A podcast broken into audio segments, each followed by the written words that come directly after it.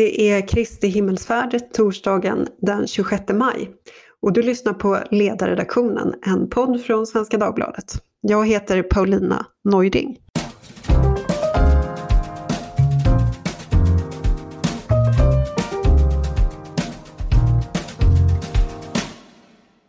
Karin Grundberg är journalist på Dagens Industri och har precis skrivit boken Experimentet, hur den svenska skolan blev en av världens mest avreglerade.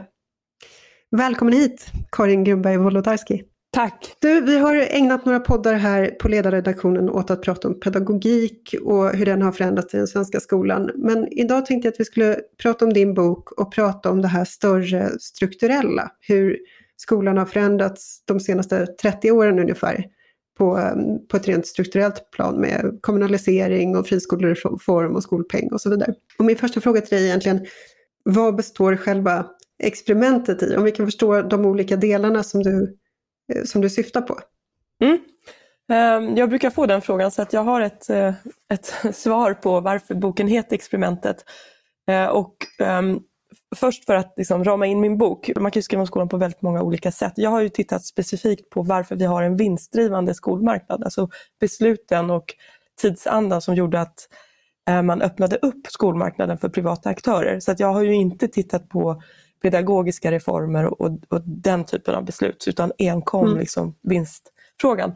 Och varför heter den experimentet? Jo, eh, för att um, idag sitter ju vi med en skolmarknad med Eh, ett antal stora skolföretag, typ Academedia, börsnoterat, eh, Internationella Engelska Skolan som är väldigt stort skolföretag också, Kunskapsskolan, de går ju med vinst.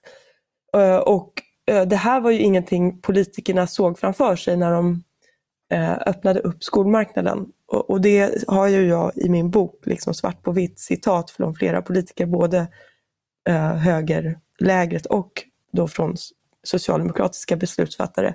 Det här var inte det man såg framför sig. Det här var inte anledningen till att man öppnade upp skolmarknaden för vinstinitiativ. Så, så på så sätt kan man ju se det som ett experiment. Vi sitter här med aktörer som man kanske inte riktigt förutsåg. Mm. Och hur unikt är det här svenska systemet med vinstdrivande friskolor som är, eh, finansieras med skattemedel? Om man bara tittar internationellt. Ja, nej men jag skulle säga att det är unikt. Jag har medvetet, vi hade en liten diskussion med eh, förlaget om vi skulle gå och skriva att det var världens mest avreglerade skola. Men vi, vi ska en av världens, för att vi vill inte ha den debatten. För det finns vinstinitiativ även i USA i vissa delstater med charter schools. Chile har ju tillåtit vinst, de har backat bandet. Sen visar det sig att Estland tillåter också vinstdrivande skolor, men där har de en regel som gör att man måste skicka tillbaka vinsten in i skolan. Så det är ju inte på samma sätt som i Sverige. Så, så man kan här... inte dela ut den till ägarna? Nej, precis. Så det, och det, så det är unikt att, att vi har en sån liksom, öppen skolmarknad eh, som mm. vi har, där man får göra vinst på 100% skattemedel. Om man tittar historiskt då, det här börjar ju inte med friskolereformen 1991 utan man får gå ännu längre tillbaka i tiden, eller hur? Ja, och jag insåg att jag behövde liksom backa bandet till, till och med till slutet av 60-talet. Eh, för att eh, anledningen till att, som jag tolkar det, att, att man eh, blev så trött på eh, föräldrarna, ble, en del föräldrar, inte alla såklart, men anledningen till att det blev en debatt kring eh, den svenska skolan, det var ju delvis för att man gjorde om skolan i slutet av 60-talet och man, man liksom gjorde en sammanhållen grundskola som skulle vara för alla och Uh, I och med det så upplevde föräldrar att uh, det var som ett skolmonopol och man, man kunde liksom inte välja vilken skola man, man, man kunde gå i. Så det, det här är anledningen till att man öppnade upp är en reaktion på, på det mm. kan man säga. Och vad hade man då innan den här grundskolan som skulle vara öppen för alla? Ja, men man, man liksom gjorde det var ju ett system i Sverige där eh, man rätt så tidigt delades upp i liksom, om man skulle eh, jobba mer praktiskt och så vidare. och så vidare. Men sen så gjorde man en sammanhållen grundskola upp till nian och sen gjorde man ett gymnasium för alla. Eh, och, och då blir, blev det samma för alla. Och, så, så, att det som hände sen blev delvis en reaktion på, på de här förändringarna som, som skedde under bland annat eh, då Olof Palme var ju skolminister när det begav sig då. Och sen uh, var ju Ingvar Carlsson skolminister. Så man får den här grundskolan som är för alla och sen så börjar det dyka upp alternativa pedagogiker, Waldorf och så vidare. Eller ja, hur? de hade, de, exakt, de, de har väl funnits där eh, länge. Du hade ju även kristna eh, religiösa skolor. Men sen hade du ju även då eh, byskolor som kämpade för sin överlevnad. Eh, där man från kommunalt håll ville skicka barn till större eh, skolor, bland annat för att det var mer eh, ekonomiskt smart att göra så. Ehm, och de här byskolorna har ju också spelat e- en roll i, och förklarar också varför, framförallt från socialdemokratiskt håll, man kände att man ville tillåta flera initiativ, man ville låta föräldrar kanske grunda skolor om de så ville. För det, det blev väldigt stora konflikter kring de här mindre skolorna i byar. Mm. Eh, där föräldrarna ville ha kvar skolan och eh, man från kommunal nivå ville skicka dem till större skolor. Precis, och de här konflikterna de fick ju liksom drag av vanligt folk mot eh, byråkratisk överhet som inte förstod hur folk hade det i verkligheten. Ja, det var väldigt det... mycket David mot Goliat-känsla i de där konflikterna som spelade upp sig. Ja, exakt så var det. Och det var ju en skola då i Drevdagen i Dalarna som, som media följde i uh, fem år ungefär och uh, konflikten slutade ju med att föräldrarna vann. De fick uh, behålla sin byskola. Men det mm. krävde mm. liksom, ett ingripande från Göran Persson så det, det, det, gick hela vägen upp till utbildningsministern. Mm. Uh, och då uh, lyckades man skaka loss liksom, statliga medel till den här skolan. Uh, men du hade ju även en byskola när Ingvar Carlsson var skolminister som låg i Markita. och det var samma typ av konflikt. Så det var inte bara den skolan som var den här liksom, konflikten där föräldrar ville ha kvar en skola i sin by och där skolan skulle ligga nära nära hemmet och eh, skolan spelade ju en stor roll för samhället. Det var ju liksom den konkreta samlingspunkten för föräldrarna. Mm. Och Göran Persson, han blev skolminister 1989. Ja. Och då, och då sätter det igång på allvar. Ja, nej men precis. Han blir skolminister. Han, han ersätter ju Bengt Göransson. Eh, och eh, i mina intervjuer så är det ju rätt så tydligt att han anställdes eh, och liksom blev skolminister först och främst för att kommunalisera skolan. För Bengt Göransson hade ju motsatt sig denna förändring. Och det var Kjell-Olof Feldt, dåvarande finansminister, ja, som ville han drev ju på. av, av ja, besparingsskäl va? Exakt, han var mm. väldigt trött på att uh, kommunerna liksom övertrasserade sina budgetar och så på skolans område och ville att de skulle äga hela eh, skolan.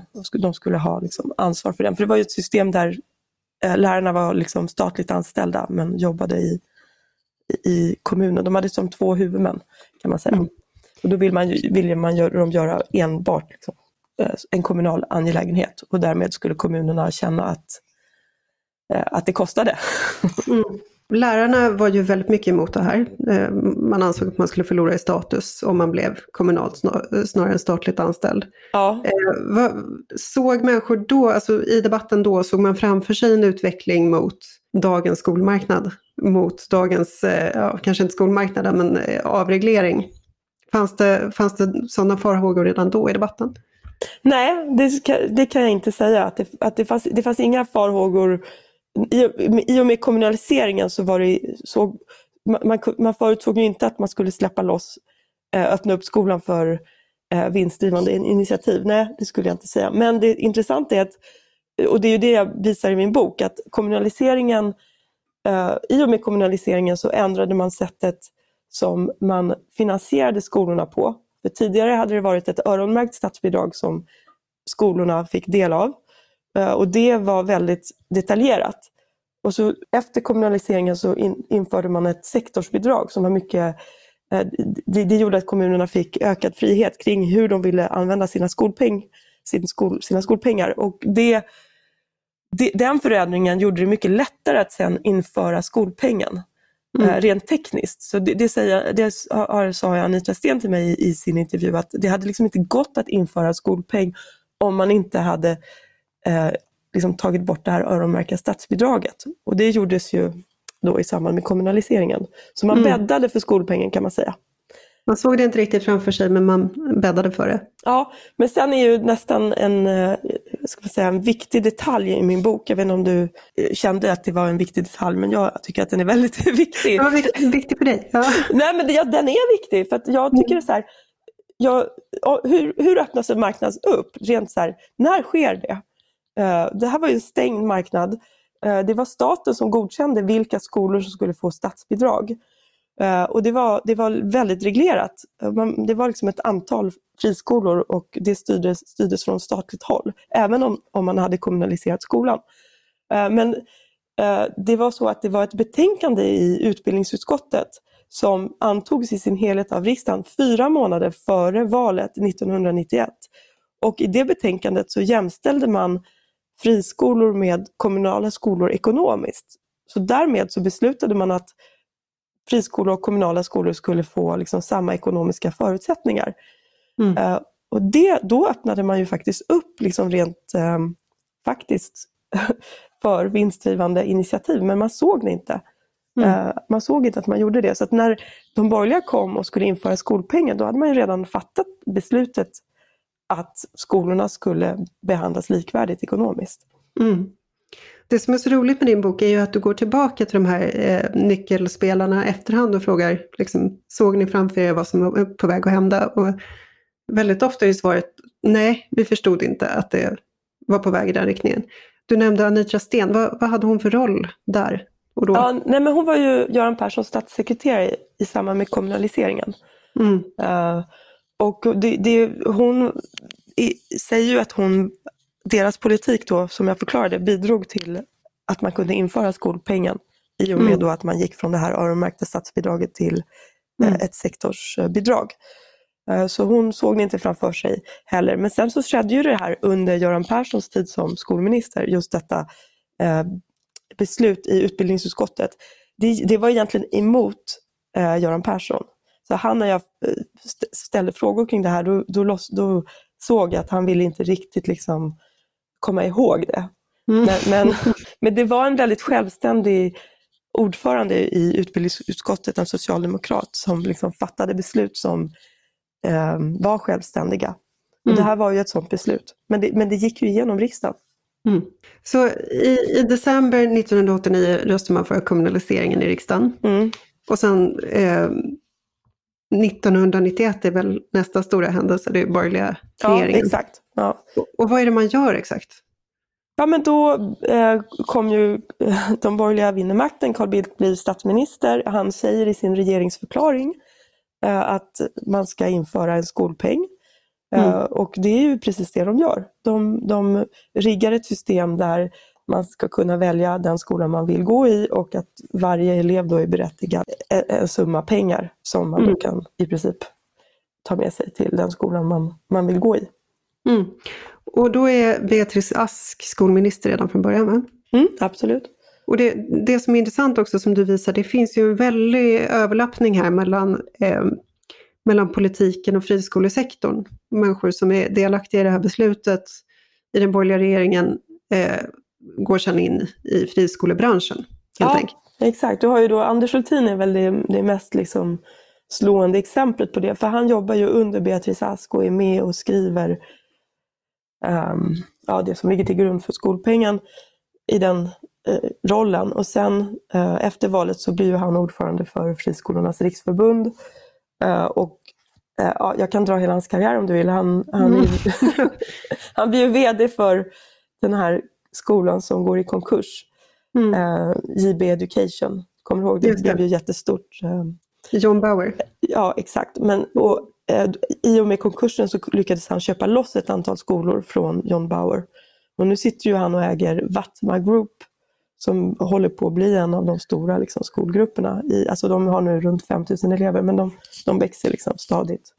Och vad är, vad är omsättningen där så att man får en uppfattning? Jag skriver så här då att antalet elever är 5100 och skolåret 2021 omsatte Vatma Group nästan 500 miljoner kronor och redovisade en vinst efter skatt på drygt 10 miljoner kronor. 22 då beräknas omsättningen landa på omkring 600 miljoner kronor. Och huvuddelen, 85 procent, här har de svenska grundskolorna och gymnasieskolorna. Han har lite andra verksamheter i det här. Och um, han har en rätt så aggressiv målsättning att växa eh, framöver också. Mm. Och eh, fjärde största skolföretaget är Kunskapsskolan. Ja, och jag har ju Peje är ju en av mina huvudpersoner i boken. Peje Peje Emilsson, Emilsson som äger, eller hans familj som äger, det är väl hans, hans barn numera. Men ja, Varför är han en av dina huvudpersoner i boken? Jo, för att eh, när jag började titta på det här så eh, insåg jag, ett, det är väldigt torrt att skriva om en marknad som öppnas upp. Det är liksom rätt så torr materia. Du vet, jag blev jätteglad när det där fyra månader före valet så kom det här beskedet i utbildningsutskottet, men att dramatisera det här är Mm. lite så. Så då kände jag att jag ville ha ett case, liksom. och då är ju Peje Emilsson ett eh, väldigt bra case, för att han är ju ideologisk i, i, sin, i sina beslut. Eh, och han har ju levt under hela den här perioden, så att jag kunde liksom spegla hans karriär och hans drivkraft med eh, det socialdemokratiska framförallt. Då, för det jag har ju skrivit en del om det borgerliga, om de, varför de borgerliga ville öppna upp skolan för, Mm. för privata initiativ. Men, men jag har liksom varvat hans drivkraft med ehm, det socialdemokratiska motståndet och hans bygge med Mm. motståndet. Så jag tyckte att det var intressant. Och det, det finns en, en självförståelse där som, som jag tycker speglar väldigt väl det här narrativet som vi pratar om med David mot Goliat, den enskilda människan som ja, men, kunna välja slå vakt om rätten att kunna välja skola och slippa bli mobbad. Eller slippa en pedagogik som inte funkar för en. Och så Ja. vidare. Det finns en Ja, sån, det, det var ju en av hans eh, drivkrafter. Just, han, han är Mm. väldigt, han, han, just det här att rätten att välja är ju väldigt viktig för honom. mm. Eh, Och han Men han försvarar finns- ju den än idag. Men han finns ju också i den här kretsen kring 1991 till 94 regeringen. Absolut, Nej, men han finns ju i kretsen kring fortfarande. Han är ju, alltså, han, han är ju en av Carl Bildts absolut närmaste vänner. Och det förstår man ju för att när man tittar på hans liv och karriär, de har ju följt varandra.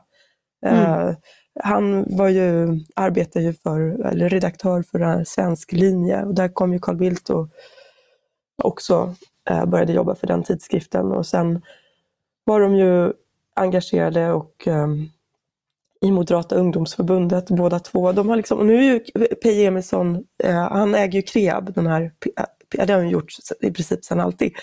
Ehm, och Carl Bildt jobbar ju nu i, det är ju där han har sitt kontor i princip, på Kreab. Så att han, han, han är ju liksom, man kan säga att han är en moderat makthavare men som är lite i bakgrunden. Mm. Men hur ska man se på det här då? Att man kan gå in och ut ur de där korridorerna till en sektor som, som är ny och som är skattefinansierad och som har blivit väldigt lukrativ.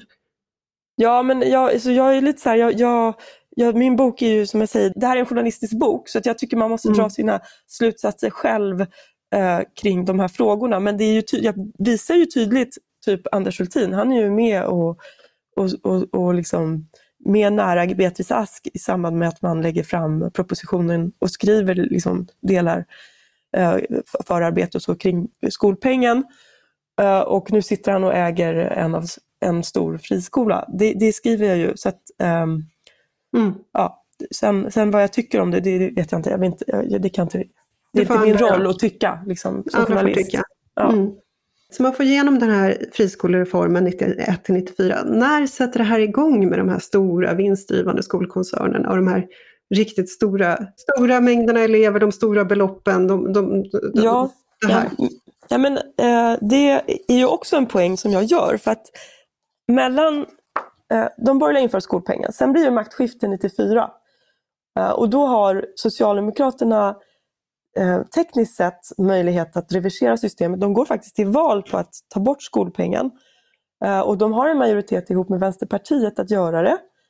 Eh, de gör det inte, utan istället så höjer de skolpengen. Så den, den liksom går från att vara 80 procent av vad de kommunala skolorna får till att bli 100 procent.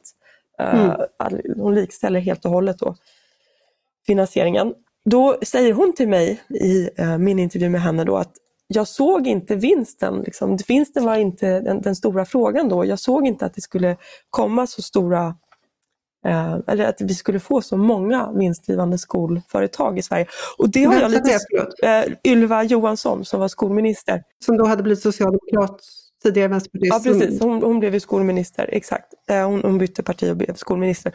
Och, och det har jag svårt att eh, förstå. För att eh, det kickade ju igång redan under Carl Bildts tid som statsminister. Det var ju då de första vinstdrivande skol, skolorna sjösattes.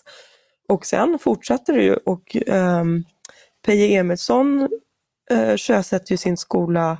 Uh, I och för sig, han, han, väntar ut lite. Det ska vi titta på exakta årtalet för att uh, Internationella Engelska Skolan sjösätts 1994.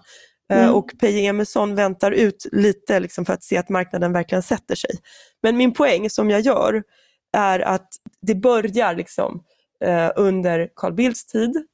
Eh, och sen så konsolideras ju marknaden liksom sakta men säkert. Men det har ju dröjt fram tills nu, tills vi har de här jättarna. Jag menar, Academedia fortsätter ju att konsolidera och, och köper skolor och det är ju så de här företagen gör för att kunna liksom skapa lönsamhet. De måste ju bli eh, någorlunda stora för att uppnå skaleffekter. Det är ju så företag eh, jobbar. Mm. Och hur ser det ut i siffror idag på ett ungefär? Hur många elever är det frågan om? Hur, stor andel av elever i grund respektive gymnasieskola? Ja, nej, men, eh, på grundskolenivå så eh, har ju friskolemarknaden och då, där finns det ju även ideella inslag. Men merparten av dem är faktiskt vinstdrivande företag. Så de flesta friskolor idag är vinstdrivande? Ja, det, eller drivs som mm. aktiebolag, absolut. Eh, och de, de har 20 procent av marknaden på grundskolenivå. På mm. gymnasienivå har de 30 procent av marknaden eh, och där i storstäderna så har de ju liksom mer än hälften av skolorna drivs av friskolor i storstäderna. Så där har de ju tagit över. Liksom. Och hur stor är själva sektorn? Hur mycket omsätter den? Räknat i pengar uppgår skolmarknadens storlek idag till nästan 30 miljarder kronor och då har jag baserat det på att en skolpeng eh, i snitt är 100 000 kronor per elev och att det går 280 000 elever i friskolor. Och om, land, om låt säga att liksom, eh, marknaden fortsätter att ta marknadsandelar stadigt och sen har vi bara friskolor i Sverige, då skulle omsättningen uppgå till 140 miljarder kronor. Och det skulle då motsvara 3% av Sveriges BNP. Så att 140 miljarder är, är taket. Och nu är vi runt, på, runt 30 miljarder. Men 94 går alltså socialdemokratin till val på att man ska avskaffa det här eh, systemet. Mm. Varför sviker man det vallöftet? Ja, men det har äh, att göra med att äh, man då, äh, mycket handlar om att sanera liksom, finanserna.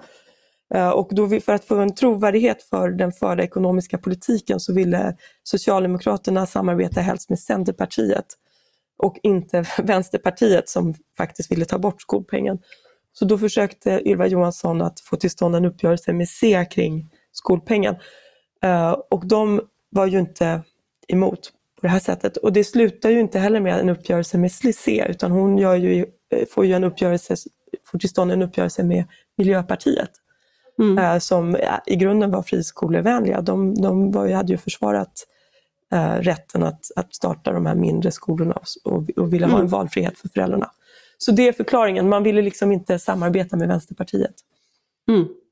Så det var precis en politiskt nödvändig förhandlingsfråga helt enkelt. Ja. Sen kommer ju det här roliga, du har, du har ju pratat med Göran Persson, Anitra Sten, Kjell-Olof Fält, eh, en lång rad makthavare. Vad säger de idag? Alltså, jag menar, incitamentstrukturerna fanns ju där, alltså alla strukturer fanns ju där redan för att skapa den här skolmarknaden.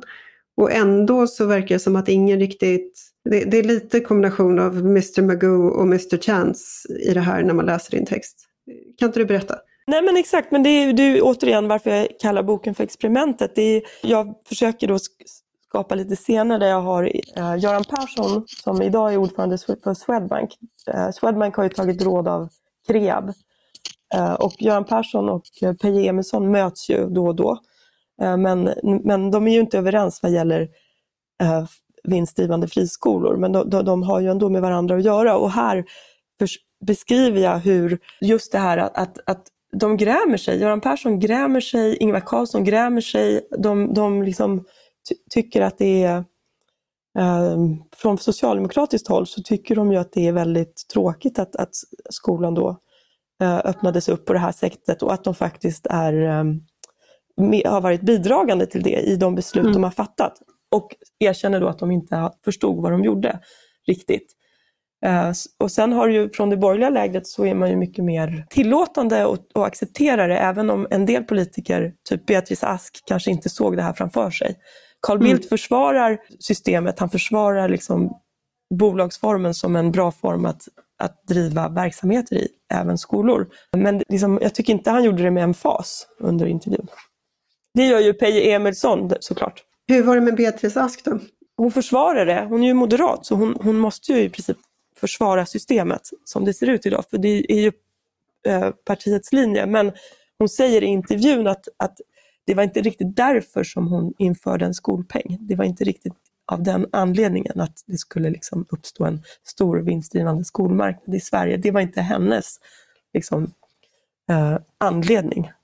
Inom socialdemokratin då, finns det en eh, självkritik avseende kommunaliseringen, att det här öppnade för? Ja, inte från Göran Persson är ju inte beredd att, att mm. Eh, yppa, yppa någon sorts kritik. Det, det mm. gör ju faktiskt Anitra Sten eh, i boken.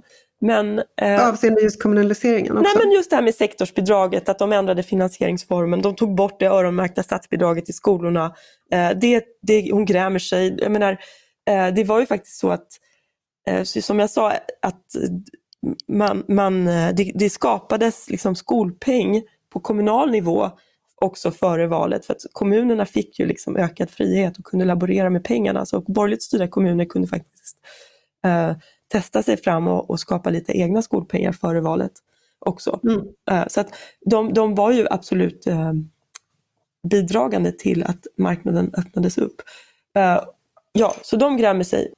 Carl Bildt lovar ju att Sverige ska få, jag minns inte om det är Europas eller världens bästa skola. Ja, Europas bästa skola. Det fick vi ju inte. Nej, det fick vi inte och det gör jag en poäng av i boken. Att det, det är ju inte så att den här konkurrensen har trollat fram de bästa skolorna. Mm. Så det argumentet eh, kanske inte håller. Med det sagt så vet vi ju inte hur svensk skola hade utvecklats utan de här elementen. Så det, man kan inte säga att eh, det, är allt, så här, det är friskolornas fel att resultaten har gått dåligt i PISA. Vi vet inte hur skolan hade utvecklats utan den här förändringen, för vi har inte facit. Uh, och, mm, det tycker jag är en viktig poäng, för att, för att uh, en del säger att allt är liksom friskolornas fel och det kan man liksom inte belägga i forskning. Nej, men det, det, finns det väl inte skäl att säga heller. Men, jo, men, men jag får höra det ibland. Alltså... jag förstår det. Ja. Eh, att man vill dra diskussionen i den Nej, riktningen. Men från, från liksom kritiker, det är lustiga med min bok är att från högerhåll så får jag höra att det är en vänsterbok. Från vänsterhåll mm. får jag höra att det är en högerbok. det är ju lite intressant, eller hur? Men, men jag tänker så här, eh, vad, vad, hade man för liksom teoretisk underbyggnad när man tänkte sig att den här, vi släpper lös den här konkurrensen och konkurrensen kommer liksom konkurrera fram kvalitet. Ja. Var, var hämtade man sina eh, teorier ifrån? Jo men det är ju grundläggande ekonomisk teori. Alltså det är ju liksom kring konkurrens. Att konkurrensen gör att företagen tävlar och tvingas skapa liksom, det bästa erbjudandet. Men mm. Det, är ju, finns ju massa liksom, eh, undantag och nu har vi ju på skolans eh, marknad så Alltså det går inte att applicera de här teorierna fullt ut på skolan. Nej precis, jag menar, det är också så att om man konkurrerar om elever så kan man konkurrera med att de får en gratis dator och längre håltimmar. Alltså det, och det är också grundläggande nationalekonomi. Ja, men exakt. Det finns massa saker som gör att eh, de här teorierna inte riktigt går att applicera på skolans område. Frågan är också, vem är kunden? Ja, eh, vem är kunden? Eh, vad är kvalitet för någonting? Hur mäter man den? Ja, Hur... och, och, så kan du använda betygen som lockbete. Ja, jag tänkte prata om det. Därför att om man tittar på hur betygen ser ut i den svenska skolan så kan man titta på Eh, man kan ställa två grafer på varandra. Den ena visar kunskapsresultaten, då får man liksom ett kryss där det, kunskapsresultaten går ner och betygen går upp. Hur mycket har man kunnat belägga att betygsinflationen har att göra med friskolor, eller här, den här marknaden som vi har? Ja, nej, men det man har kunnat belägga, och det är väl många överens om nu, det är ju ständiga debatter kring allt, men det är att friskolorna eh, har ett större problem med betygsinflation än de kommunala skolorna. Så problemet mm. är större i friskoledelen. Det har man, det kunnat, har man belägga. kunnat belägga. Men ja. även kommunala skolor har problem med betygsinflation. Det ska man också komma mm. ihåg. Så att det här är ett problem för svensk skola överlag och problemet är större bland mm. friskolorna. Ja, men skälet till att jag frågar om den här ideologiska eller teoretiska underbyggnaden, för det här är också fullständigt grundläggande nationalekonomi. Alltså om du har en marknad som funkar på det här sättet, då kommer du få att, att få betygsinflation därför att du konkurrerar om elever.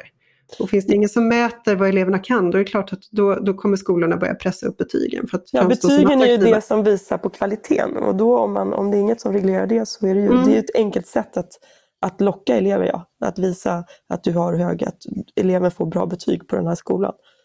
Precis, och om man som politiker då i efterhand säger att det här såg vi inte komma, då äger det ungefär lika stor trovärdighet som när man i andra sammanhang har sagt att man inte såg saker komma som, som är helt liksom, uppenbara. Jag tycker det är väldigt märkligt att det, att det är de här sakerna, att man inte såg dem komma. Vi har haft systemet i 30 år. Jag har ju ett kapitel i boken om en religiös friskola som, eh, där det saknades stöd i lagen att liksom ingripa. Det var Säpo som fick ingripa och peka på att eh, han som drev skolan var liksom ett hot mot rikets säkerhet. Det är ju helt galet. Och då mm. kan man ju verkligen så undra varför man inte har prioriterat de här frågorna. Det är ju en viktig liksom, mm. fråga. Och, eh, så här, det är lätt att bli så indignerad och så vidare men, men det är ju så helt galet. I, mm. I någonting som bör vara liksom, statens, det är en av statens huvuduppgifter att, att ge en, en god utbildning till barnen i, i sitt land och att den ska vara liksom rättvis ändå. Där betygen inte ska liksom vara orättvisa. Ja, alltså vi, vi har ju haft ett antal skolor som har drivits av Muslimska brödraskapet och salafister. Det är de två eh, rörelser som har varit aktuella eh, när det har gällt de här skolstängningarna. Har, har du någon uppfattning om hur unikt det här är jämfört med andra länder? Nej, jag har inte gjort någon jämförelse, men med tanke på att um, vi har ett unikt system där det har varit väldigt lätt för vem som helst att starta en skola, mm. så är det ju klart att det lockar till sig även oseriösa aktörer. Uh, och där har det ju funnits en naiv naivitet från beslutsfattare att inte titta på de här frågorna och reglera det här mycket tuffare mm. och, och även kontrollera. Uh, och det, är mm. ju väldigt märkligt att man inte har, har gjort det. Och det finns ju problem. Det var ju nyligen någon, någon skola som, eller hur, som, jag kommer inte ihåg vad den heter, men som Flera uppdagades. Stycken. Ja, Flera stycken. Exakt. Så problemet är inte borta, det är det som är min poäng. Nej, men där gjorde man ju en lagändring 2019 när man gjorde det möjligt för Skolverket att granska ja. huvudmännen. Ja, det har jag med i boken. Det, just det, och det har lett fram till flera stängningar. Ja, ett, ett 20-tal. Ja. ja. Men, men det, vi pratar 20, alltså marknaden öppnades upp 91. Ja visst. Ja, och 19 kommer den här förändringen. Hur, hur kommer det sig att det är så? Är det rädsla för att bli stämplad som rasist eller islamofob eller är det någonting Nej, annat? men alltså det här problemet är ju inte, handlar ju inte bara om religiösa skolor. Men om vi pratar om det här specifikt med att man eh, plötsligt har Sverige liksom salafistiska skolor och sådana som drivs av Muslimska brödraskapet. Det är, lite, det är ju uppseendeväckande. Ja, det är det. Men nej, jag vet inte varför man inte har reglerat det här eh, tidigare. Jag, jag kan mm. inte svara på det. Men, men, men, min poäng är att det, oseriösa aktörer finns även... Eh, det är inte bara religiösa skolor som, som kan drivas av oseriösa aktörer. Är det, är det något annat exempel du tänker på som du skulle vilja ta upp? Nej, jag vill inte peka, peka på mm. någon särskild skola, men, men det är en mm. viktig poäng som jag vill göra. Det är en observation man gör när man tittar på det här? Ja, alltså mm. absolut. Det som är gåtfullt för mig i det här det är att eh, liksom, Socialdemokraterna är hela tiden i opposition mot det här systemet som har funnits i 30 år. Eh, utbildningsminister Anna Ekström och Mikael Damberg eh, skrev en debattartikel för något år sedan när man skrev väldigt upprört om de här muslimska friskolorna. Att nu, och då, de här extremistiska då, inte de som inte är extremistiska. Men man skrev ja, se vad det här systemet har lett fram till, det är helt ofattbart och så vidare. Det var ansatsen i den här texten. Och man är ständigt på det där sättet i opposition mot en politik eh, som, som man hade kunnat ändra för länge sedan. Det är lite svårt att förstå. Ja, men det är lite en poäng som jag gör. Alltså rent, det de säger, nu har jag tittat specifikt på vinsten. Jag har, jag har inte tittat på, alltså jag har ju ett kapitel om en del problem som, som den här marknaden för med sig och då har jag det här exemplet med en, en religiös friskola. Men det de säger som sitt försvar, så här, varför har de inte, en, de har ju inte heller velat ha vinsten och eh, vi har haft den i 30 år och de har styrt landet merparten av tiden. Och då är deras försvar att de inte haft en majoritet för frågan. Det var endast mellan 94 och 98 som de kunde backa bandet vad gäller vinsten. Och sen har de inte, så de har ju inte haft en majoritet för sin skolpolitik. Men vad gäller hårdare krav och hårdare reglering så borde de ju ha kunnat eh, eh tajta till det tidigare. Eller hur? Är det, är det så att det här är en gynnsam sak att vara emot? politiskt, opinionsmässigt gynnsam att, att vara... Nej, det tror jag inte. För det är väl ett misslyckande att det är en massa oseriösa aktörer som driver mm. skola och som får skolpeng och som, eh, som, som kommunerna inte har kontroll över. Jag tror inte det är eh, jättepopulärt, men jag tror att man ändå vill sända budskapet, eh, om man är politiker, att det här ska, ska vi stoppa. Liksom. Så det mm. kanske är populärt. Att, att, men problemen i sig är ju inte populära.